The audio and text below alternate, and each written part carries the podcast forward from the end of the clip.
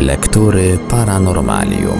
Dziś w lekturach Paranormalium sięgniemy po jedną z książek Lucjana Znicza z cyklu Goście z kosmosu, a mianowicie Katastrofa tunguska, Trójkąt Bermudzki, Obce ślady. Tytuł książki mówi właściwie wszystko. Przedstawione w przystępny dla czytelnika sposób informacje na temat słynnej katastrofy tunguskiej, osławionego obszaru na Atlantyku zwanego Trójkątem Bermudzkim oraz różnych mających miejsce na Ziemi anomaliów. Książkę tę na naszej antenie prezentujemy w odcinkach w całości.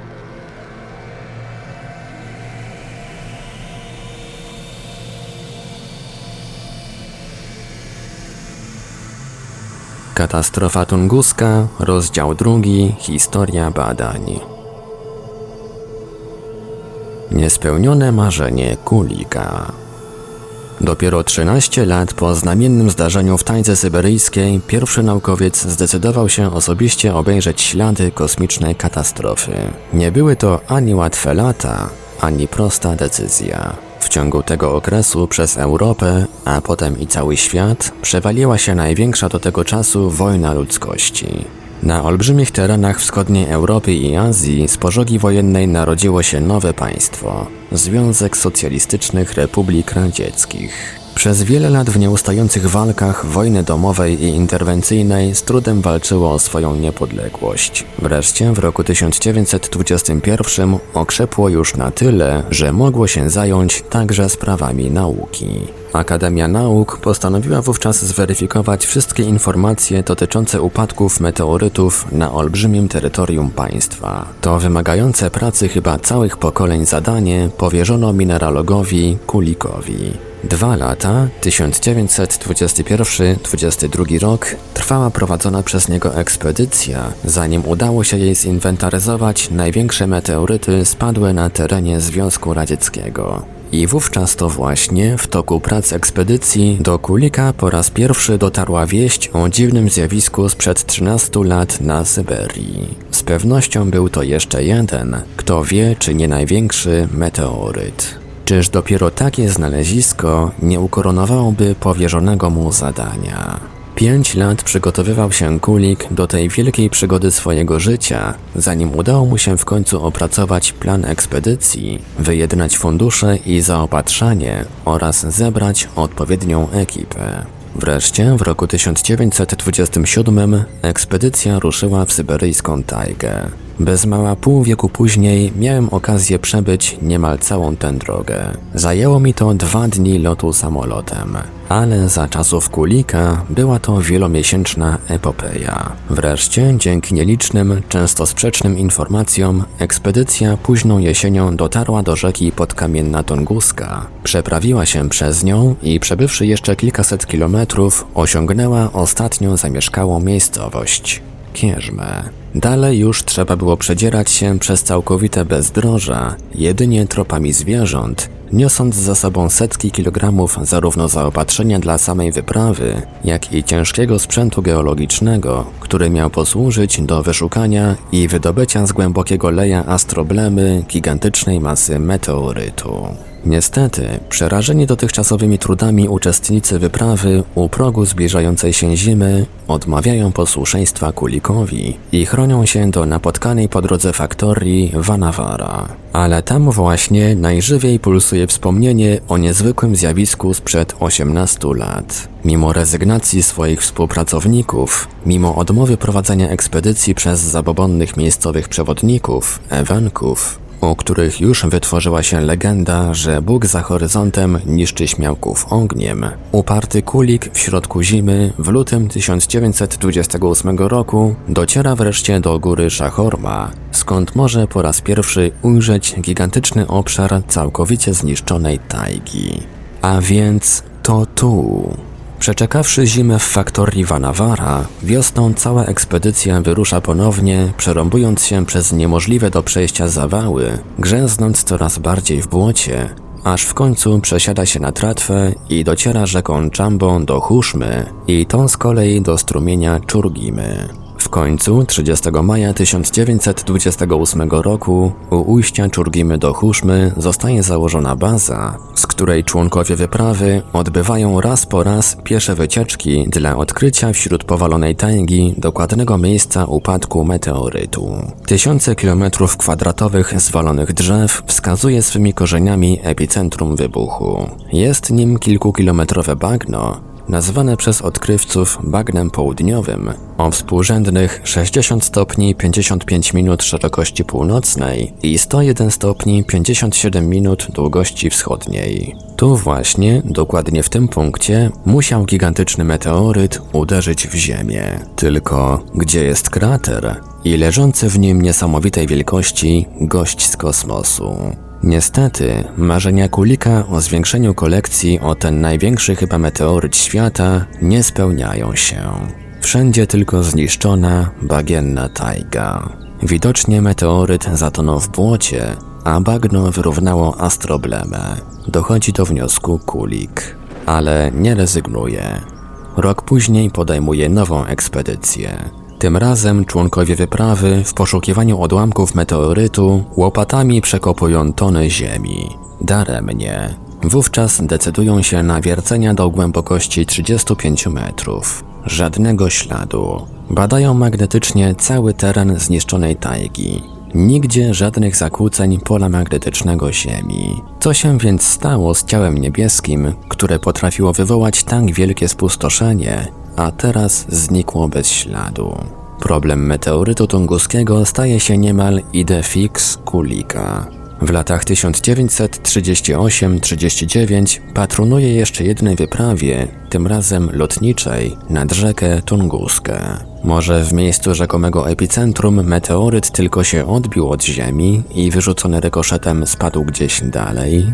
Rozpoczęto systematyczne dokonywanie zdjęć aerofotogrametycznych niemal 2200 km2 zniszczonego lasu, aby na ich podstawie opracować szczegółową mapę całego podejrzanego terytorium. Niestety, i tym razem Kulikowi się nie powiodło. Po wykonaniu zaledwie dziesiątej części pracy, dalsze badania lotnicze zostały czasowo zawieszone z powodu napiętej sytuacji politycznej w Europie, a następnie wybuchu II wojny światowej. I nigdy już nie zostały i chyba nie będą wznowione. Podczas gdy nas, ludzi, trzebiła śmierć, w zniszczonej tajdze święciło swe triumfy nieposkromione życie. I gdy leciałem w roku 1975 nad Tunguską Taigą, mimo dokładnych wskazań pilota, nie mogłem dostrzec już najmniejszych śladów kosmicznej katastrofy. Zwycięska tajga pokrywa wszystko jednolitym dywanem roślinności. Kulik zresztą i tak nie dożył tej klęski, którą jeszcze raz zgotowała mu rządząca się własnymi prawami syberyjska tajga. W roku 1941, gdy II wojna światowa dotarła także do Związku Radzieckiego, wstąpił do armii i ranny w bitwie pod Smoleńskiem trafił do niemieckiej niewoli, gdzie zmarł w kwietniu 1942 roku. Mekka meteorytologów Zagadka tunguska przestała już jednak być prywatną sprawą Kulika. W 1958 roku przetartym przezeń szlakiem wyrusza nowa ekspedycja naukowa zorganizowana przez Komitet do Spraw Meteorytów Akademii Nauk ZSRR, a prowadzona przez znanego uczonego radzieckiego profesora Fioreńskiego.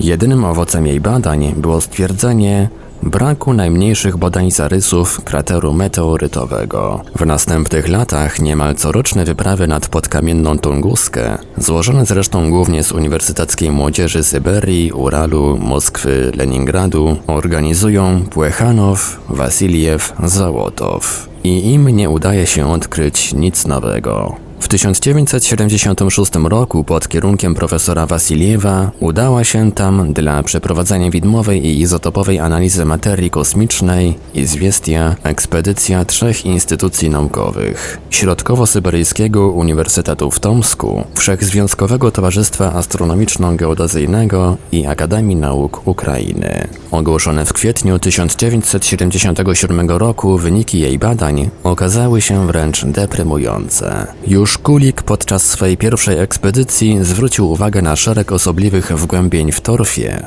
osiągających średnicę do kilkudziesięciu metrów, podejrzewając, iż może meteoryt rozpadł się tuż nad Ziemią i wgłębienia te wyryły jego odłamki. Ekspedycja Wasiliewa innymi szczegółowo zbadała właśnie te twory i doszła do wniosku, że tego typu torfowe oczka powstały w wyniku tajania wiecznej zmarzliny i mogą nie mieć nic wspólnego z meteorytem. W chwili, gdy to piszę, w błotach podkamiennej Tunguski tapla się już następna, która to już z rzędu radziecka wyprawa naukowa pod kierownictwem profesora Urocznego z Kijowa, jeszcze raz poszukująca bodaj najdrobniejszych śladów kosmicznych izotopów radioaktywnych, które pomogłyby wyjaśnić tajemnicę zaginięcia tak olbrzymiego meteorytu. Czy zostanie ona kiedyś rozwiązana? Bolid zmieniający trajektorię.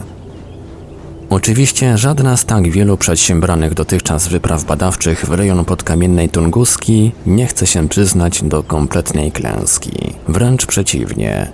Każda odkrywa i wnosi coś nowego. Ale, o dziwo, im więcej zdobywamy informacji na temat tej zagadki, tym bardziej staje się ona trudna do rozwiązania. Zaczyna się od samej trajektorii tego tajemniczego ciała niebieskiego. Zeznania naocznych świadków są w tym względzie bardzo różnorodne. Mieszkańcy kamionki. Leciało na wschód. Oderwało się od słońca. Mieszkańcy Kierzmy. Leciało z południa na północ, wysoko na niebie. Mieszkańcy Małyszewki. Leciało na wschód. Mieszkańcy Niżne Ilimska Widzieliśmy w stronie wschodniej ruch ukośny do horyzontu. Kiedy spojrzy się na wszystkie te miejscowości na mapie i spróbuje zgodnie z tymi relacjami ustalić trajektorię, to okaże się, że albo były dwie różne trasy lotu, albo ciało tuż przed upadkiem gwałtownie zmieniło kierunek lotu. I to do jakiego stopnia? Według bardzo szczegółowych badań przeprowadzonych na podstawie zeznań świadków i linii drgań sejsmicznych, a także na podstawie świeżych śladów katastrofy zarejestrowanych przez Kulika i Wosniesińskiego, profesor Astapowicz doszedł do wniosku, że tunguskie ciało leciało z południa w odchyleniu zaledwie 10 stopni na zachód od linii południka. Tymczasem obserwacja świadków z miejscowości Preobrażanka, leżącej 350 km na wschód od epicentrum, a także stwierdzenie Załotowa, że w miejscu wybuchu drzewa powalone zostały w kierunku zachodnim, nasuwają podejrzenie, że ciało to ostatecznie zetknęło się z ziemią, lecąc ze wschodu w odchyleniu aż 115 stopni od południka. Nic dziwnego, że w końcu docent Ziegel doszedł do wniosku, że tajemniczy bolid leciał od Kierzmy z południa, następnie skręcił pod kątem 70 stopni na wschód, przeleciał w tym kierunku około 300 km do miejscowości Preobrażanka i tu jeszcze raz skręcił, tym razem pod kątem 120 stopni na zachód i po przeleceniu dalszych 300 km zderzył się wreszcie z ziemią. Antologia zagadek jednego wybuchu. Nie ma potrzeby podkreślać, jak dziwna jest dla lotu jakiegokolwiek ciała niebieskiego taka trajektoria. A przecież i ona nie potrafi wyjaśnić wszystkich osobliwości tunguskiego dziwu, jak w ZSRR powszechnie się to zdarzenie nazywa. Od 1958 roku, kiedy po śmierci Kulika wznowiono prace badawcze w basenie podkamiennej Tunguski, przez 8 kolejnych letnich sezonów przeprowadzono szczegółową inwentaryzację drzew zniszczonych podczas wybuchu. W tych kłopotliwych i nieefektownych pracach przez 8 lat brały udział setki ochotników, zanim wreszcie szczegółowo przebadano w 700 punktach 50 tysięcy drzew. I dopiero wówczas wynik okazał się rewelacyjny. Obszar objęty wybuchem wynosi łącznie 2200 km2, ale chociaż epicentrum wybuchu znajduje się niemal w środku, terytorium zniszczenia drzew nie przypomina koła ani elipsy, tylko raczej kształt jakby motyla przy czym zniszczenia w kierunku skrzydeł sięgają na odległość 40 km od epicentrum. Na podstawie badań powierzchni, którą zniszczył podmuch wybuchu, określono jego moc na minimum 15 milionów ton trotylu. Zgodnie z tymi obliczeniami, w centrum wybuchu powinien był powstać lej o średnicy około 1 kilometra. Tymczasem okazało się, że nie tylko nie ma tego leja, ale w najbliższej okolicy punktu centralnego zachowały się nawet stojące drzewa. Tyle tylko, że pozbawione całkowicie gałęzi, a częściowo nawet kory. Dopiero w odległości 1,5-2 kilometrów od gęsto pokrytego tzw. Tak lasem słupów telefonicznych epicentrum, inwentaryzacja ujawniła pierwsze upadki drzew, zaś największe ich zniszczenia zanotowano jeszcze 3-4 razy dalej. Czyżby więc tak potężne uszkodzenia tajgi, wywołane rzekomym zdarzeniem meteorytu z Ziemią, w istocie spowodowane zostały wybuchem tajemniczego bolidu, jeszcze wysoko nad jej powierzchnią? Nie mniej niezwykłe wydają się informacje na temat przebiegu samego wybuchu. Niektórzy z naocznych świadków twierdzili, że słyszeli dwa, inni zaś nawet trzy odrębne wybuchy. Choć dla zdarzenia jakiegokolwiek meteorytu z Ziemią jest to zupełnie nieprawdopodobne, także i różne kierunki upadku drzew dowodzą niezbicie faktu kilku odrębnych, uderzających w drzewa z różnych stron podmuchów. A tu z każdym dniem przybywają wciąż jeszcze nowe, nierozwiązane zagadki. Wspomniana już inwentaryzacja drzew wykazała ponadto, że większość z nich została opalona w wyniku pożaru, który jednak, według Kurbackiego, badającego teren w 1961 roku, wybuchł równocześnie na całym obszarze katastrofy, tak jakby ogień na cały ten obszar spadł z nieba. W dodatku Zenkin odkrył jeszcze na gałęziach modrzewi ślady przypominające oparzenia promieniowaniem jonizującym. Podejrzenie Zenkina potwierdza także w pewnym stopniu obserwacja ekspedycji floreńskiego, iż otaczające bezpośrednio rejon katastrofy drzewa, którym udało się przeżyć, w ciągu następnych lat wykazywały szczególnie obfity, chyba właśnie na skutek napromienienia, przyrost słojów rocznych. W tym duchu zresztą również idzie sugestia kolejnej ekspedycji radzieckiej z 1976 roku, która stwierdza, że naturalne tempo zmiany dziedziczności roślin w tym rejonie zostało przyspieszone mniej więcej 12 razy. Być może jest to wynik intensywnego promieniowania, co odpowiadałoby wersji o nuklearnym charakterze eksplozji. Wprawdzie w dalszym ciągu sprawozdania ekspedycja przezornie się zastrzega, że, cytat, nie wyklucza się jednak, iż może to być następstwem pożaru tajgi i gwałtownej burzy magnetycznej, jaka wystąpiła w epicentrum katastrofy, ale w tymże roku 1976 akademik Pietrow, omawiając w piśmie Sawiecki Sojus zniszczenia tajgi nad Tunguską, pisze dosłownie. Taki efekt mógł dać wybuch bomby o mocy 20 do 40 milionów ton trotylu na wysokości od 10 do 15 kilometrów. Przewyższa to o 1 do 2000 razy moc pierwszej bomby atomowej. A więc wybuch, może nawet nie jeden, atomowy wiele kilometrów nad Ziemią, ale nawet i to, zupełnie już nieprawdopodobne dla jakiegokolwiek meteorytu założenie, też wciąż jeszcze nie potrafi wyjaśnić wszystkich zagadek tunguskiego dziwu. Doszło w końcu do tego, że w 1966 roku dwaj naukowcy radzieccy, Zotkin z Komitetu do Spraw Meteorytów Akademii Nauk ZSRR i Cikulin z Instytutu Fizyki Ziemi Akademii Nauk ZSRR zbudowali specjalną makietę tajgi o rozmiarach 2 na 3 metry,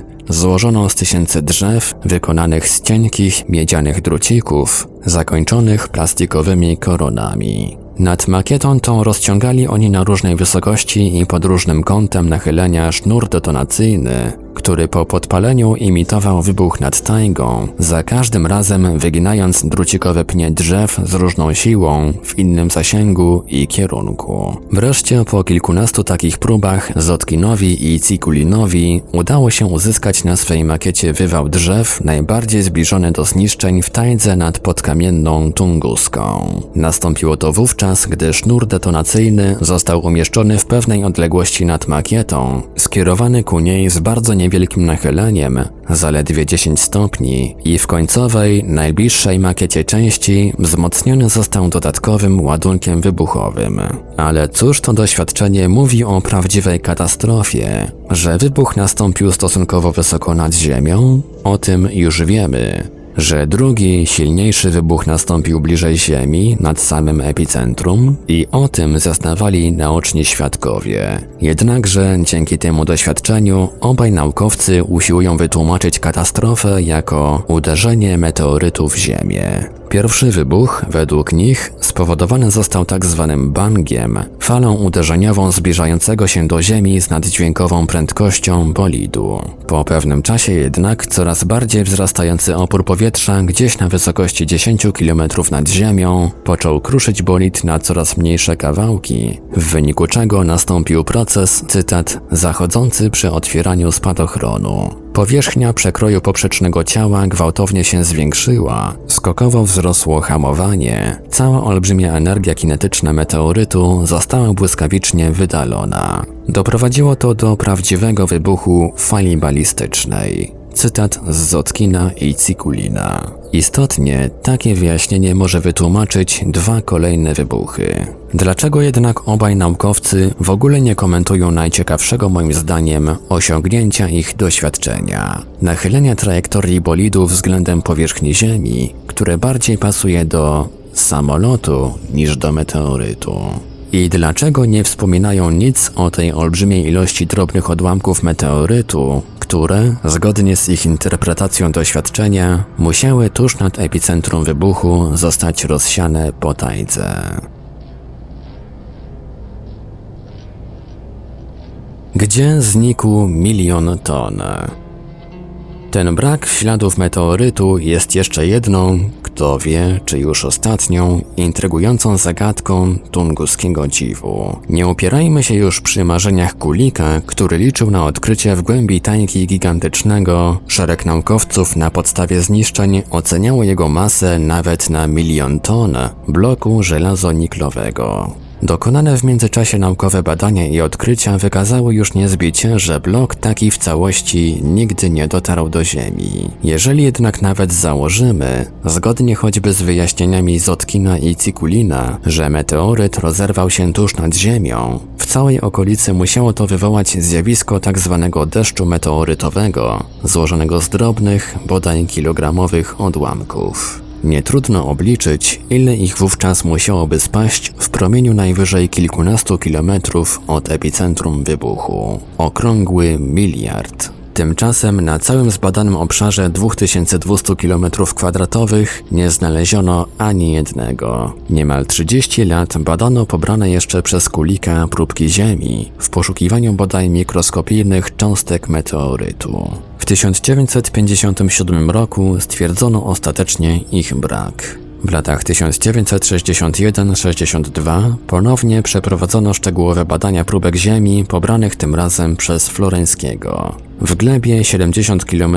na wschód od epicentrum odkryto jakby nieco większą ilość pyłu kosmicznego. W latach 1964-68 Lwow z Uniwersytetu Tomskiego opracował specjalną metodę wydzielenia storfów pobranych z nad rzeki Tunguski mikroskopijnych ciał pochodzenia nieorganicznego. Po szerokim zastosowaniu tej metody udało się znaleźć w mchach pochodzących z roku 1908 maleńkie, o rozmiarach od 200 do 1500 mm, jakby szklane kuleczki. Mimo ich mikroskopijnych rozmiarów przebadano je niezwykle dokładnie. Profesor Glass z Centrum Lotów Kosmicznych imienia Godarda w Greenbelt w USA stwierdził, że materiał, z którego kuleczki się składają, nie ma nic wspólnego z typowymi meteorytami i najbardziej przypomina szkło powstające na Ziemi podczas wybuchów wulkanicznych. Według analiz Instytutu Geologii i Geofizyki Akademii Nauk ZSRR jednak,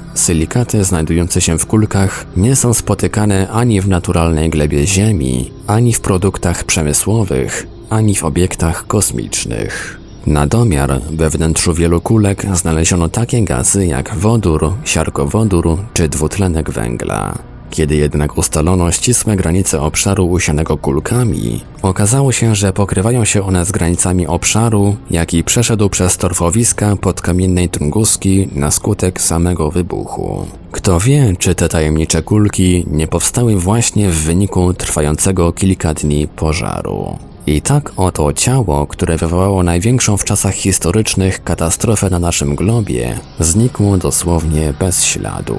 Kto potrafi wyjaśnić wszystkie te niesamowite zagadki tunguskiego dziwu?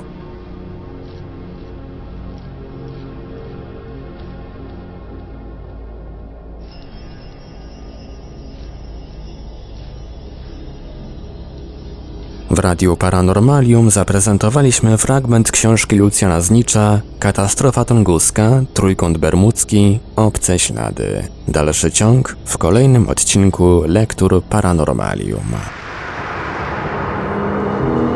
Archiwalne odcinki Lektur Paranormalium znajdziesz do pobrania w archiwum naszego radia na stronie www.paranormalium.pl.